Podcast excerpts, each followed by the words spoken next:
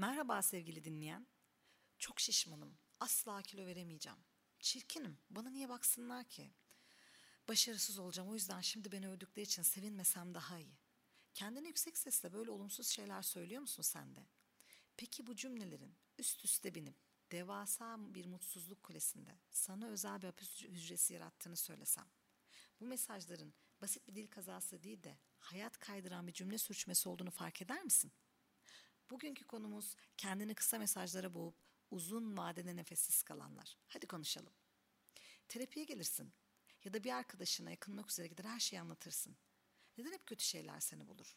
Neden doğru insanlar, patronlar ya da durumlarla karşılaşmazsın? Çok bahtsızsındır ve bunları yaşamaktan bıkmışsındır. Kimse sana inanmıyor, güvenmiyordur.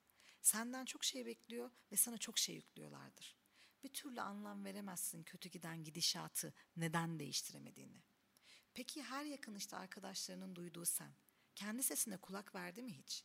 Ne söylediğinin, kendinle ilgili yorumlarının, kendine verdiğin mesajların farkında mısın? Anne karnından itibaren bize verilen mesajları bilinçli ya da bilinçsiz olarak almaya programlıyız.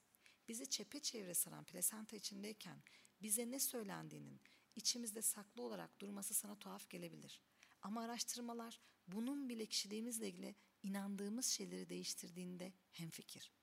Çocukluğunda sana söylenen şeyleri senin belirlemem elbette mümkün değil. Çünkü aileni seçemez. O zamanki şartları belirleyemezsin. Belli bir yaştan sonra hayata algıladığın bir çerçeve, düşünce ve bakış açısı tarzı oluşmuştur bile. Tehlike burada başlar. Eğer sen sana söylenen ve rahatsız olduğun şeyleri fark etmeden içe alırsan, bu rahatsız mesaj ve cümleleri sen meşrulaştırıp artık içeride kendi mekanizmanı kurmuşsun demektir. Yani ana kumanda merkezine oturanları oradan kaldırıp aynı görevi daha büyük bir inanç ve adanmışlıkla yürütmen anlamına gelir ki bu. Ben bunu istediğini hiç sanmıyorum. Çatışmalı ortamlarda büyüyüp geçimsiz olduğun söylendiyse, ileride düzgün bir ilişki yaşamak istediğin halde sırf seninle devam etmezler diye ciddi bir şey aramadığını söyler, takılma adı altında gelen insanlara razı olursun. Beceriksiz olduğun mesajıyla büyüdüysen, koca departmanı ya da aileyi çekip çeviren senken, devamlı nasıl da işleri berbat ettiğinden yakınırsın. Sürekli başkalarıyla kıyaslanıyorsan, elde ettiğin başarıların senden önde biri olduğu müddetçe önemi olmadığını düşünür, herkesten önce sen başarılarını değersizleştirirsin. Hak etmediğin ve hep daha fazlasını istediğin söyleniyorsa, hayatına kim girerse girsin son şansın gibi davranır, onu hak edecek ne yaptığını bilemez, en azını istediğin ve beklediğin halde hep bir suçluluk duyarsın. Fazlalık gibi hissettirildiysen, sana ihtiyaç duyulduğu ya da var olman gereken yerlerde bile kendini yok eder, görünmezlik zırhı ile kimseyi rahatsız etmemek için yalnızlıktan çırpınır kalırsın. Yani sana söylenen neyse sen çoktan o olmuşsundur. Neye benzer bilir misin? Yazılımına girmiş sürekli hata veren bir virüse. Akan yazıların olduğu o tabelalar nasıl çalışır bilir misin? İçeride bağlı olduğu bilgisayara yazmak istediğini yazarsın. Dışarıdaki tabelada insanların okumasını istediğin şey akar durur. Tam da olmasını istemediğin, sözde delicesine kaçtığın mesajların yazılı olduğu neon bir akar tabela ile gezmek gibi kendine verdiğin mesajları görmemek. Tabelalar bizim yol haritamızı biz fark etmeden çizer üstelik. Benzer mesajlara sahip kişiler benzer şekilde birbirini bulduğundan arkadaş ortamın senin gibilerle şekillenirken kendine verdiğin olumsuz mesajı okuyup sana buna göre davranacak yol arkadaşlarını seçer ve çekersin hayatına. Seçmek ve çekmek fiillerini bir arada kullanıyorum. Çünkü hem başka tabelalara bakıp sana layık olduğun şekliyle davrandığın kişiyi tanıdık bulur hem de onu seçersin. Hem de tabelaları okuya okuya sana o şekilde davranacak kişi senin uygun bir aday olduğunu görür ve çekmiş olursun. Ben neden hayatıma belalı tipleri, bana kötü davranan insanları, mutsuz ilişkileri çekiyorum sorusunun cevabı da kendine verdiğin mesajlarda da biraz. Sen kendini o gözle görüp öyle olduğuna inanırsan karşındakiler de sana öyle davranır. Yetersizsen yetersiz, değersizsen değersiz, mutsuzsan mutluluğu hak etmeyen biriymişsin gibi davranırlar. Başarılarını, olumsuz yanlarını, ihtiyaçlarını görmezden gelirler. Kimi zaman onları inandırdığın, kimi zaman onların işlerine öyle geldiği için.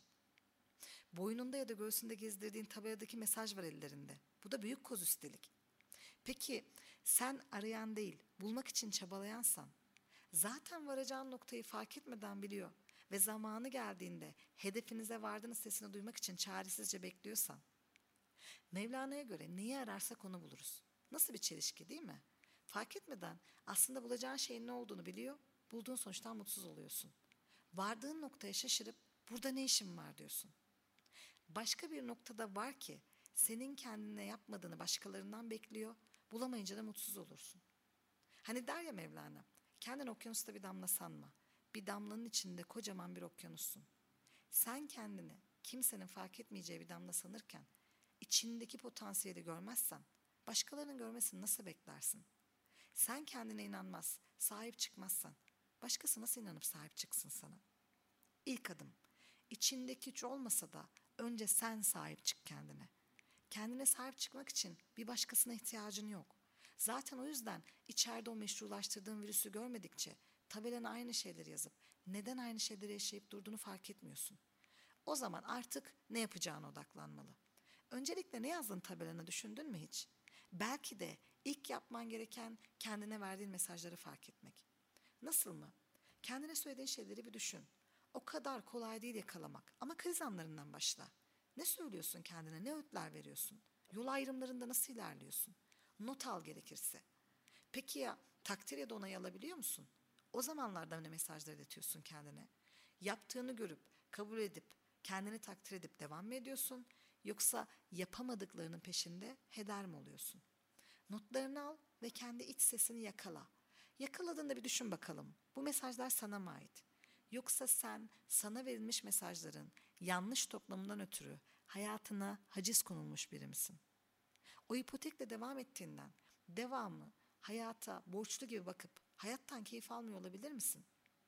Klişe ne der bilirsin. Hayatın matematiği belli. Artıları arttır, eksileri eksilt, acıları bölüş ve paylaş mutlu anları. Çarp ve çoğalt. Başlayacaksan dört işlemine kendine verdiğin mesajlardan başla. Etrafına dön bir bak. Hiç kimse her konuda yetersiz ya da beceriksiz olamaz. Sevinmeye değer olmaman mümkün değil. Seni seven birileri illaki vardır ya da olacaktır. Bugün hapishanedeki insanlar mektup arkadaşları sonucu evleniyor. Ki toplum tarafından sevilmeme nedenleri daha yüksek bir kesim bulamazsın ön yargılar havuzunda. Demek ki o kendi tabelasında sevilmeye değerin mesajıyla geziyor. Ne dersin? O mesajları yakalaman yetmez. Yapabiliyorsan tek başına olmuyorsa destek alarak sana ait olmayan mesajları değiştirme ve dönüştürme isteğine sahip olman gerekir. Çünkü ben istesem de olmuyor dediğin şey tabelanda yazanlardan ötürü. Göğsünde ben değersizim, kendimi hiçbir şeye layık görmüyorum, beni kimse sevmez yazan birine nasıl partnerler denk gelir sence? Bir bitki bile ona söylediklerine solar ya da çiçekler açarken senin kendine söylediğin şeylerin hayatına nasıl bir nefes üfleyeceğini sen düşün. Matematik ne daha bilmem. Ama ben Mevlana'ya sonuna dek katıldığım için aradığın şeyi değiştirmen ve potansiyelini ortaya çıkarmandan yanayım. Değiştir o tabelayı artık. Ne istiyorsan onu yaz. Okuyanlar senin kim olduğunu bilsin ve aradığın şey onlarda değilse başka tabelaları denemek üzere çekip gitsinler. Okuduğundan mutlu olacak. Okuduğuyla yola çıkmak isteyecekler dursun duraklarında. O zaman bir sonraki podcast'e kadar sevgiyle kalın, güvende kalın, bizi takipte kalın. Hoşçakalın sevgili dinleyen.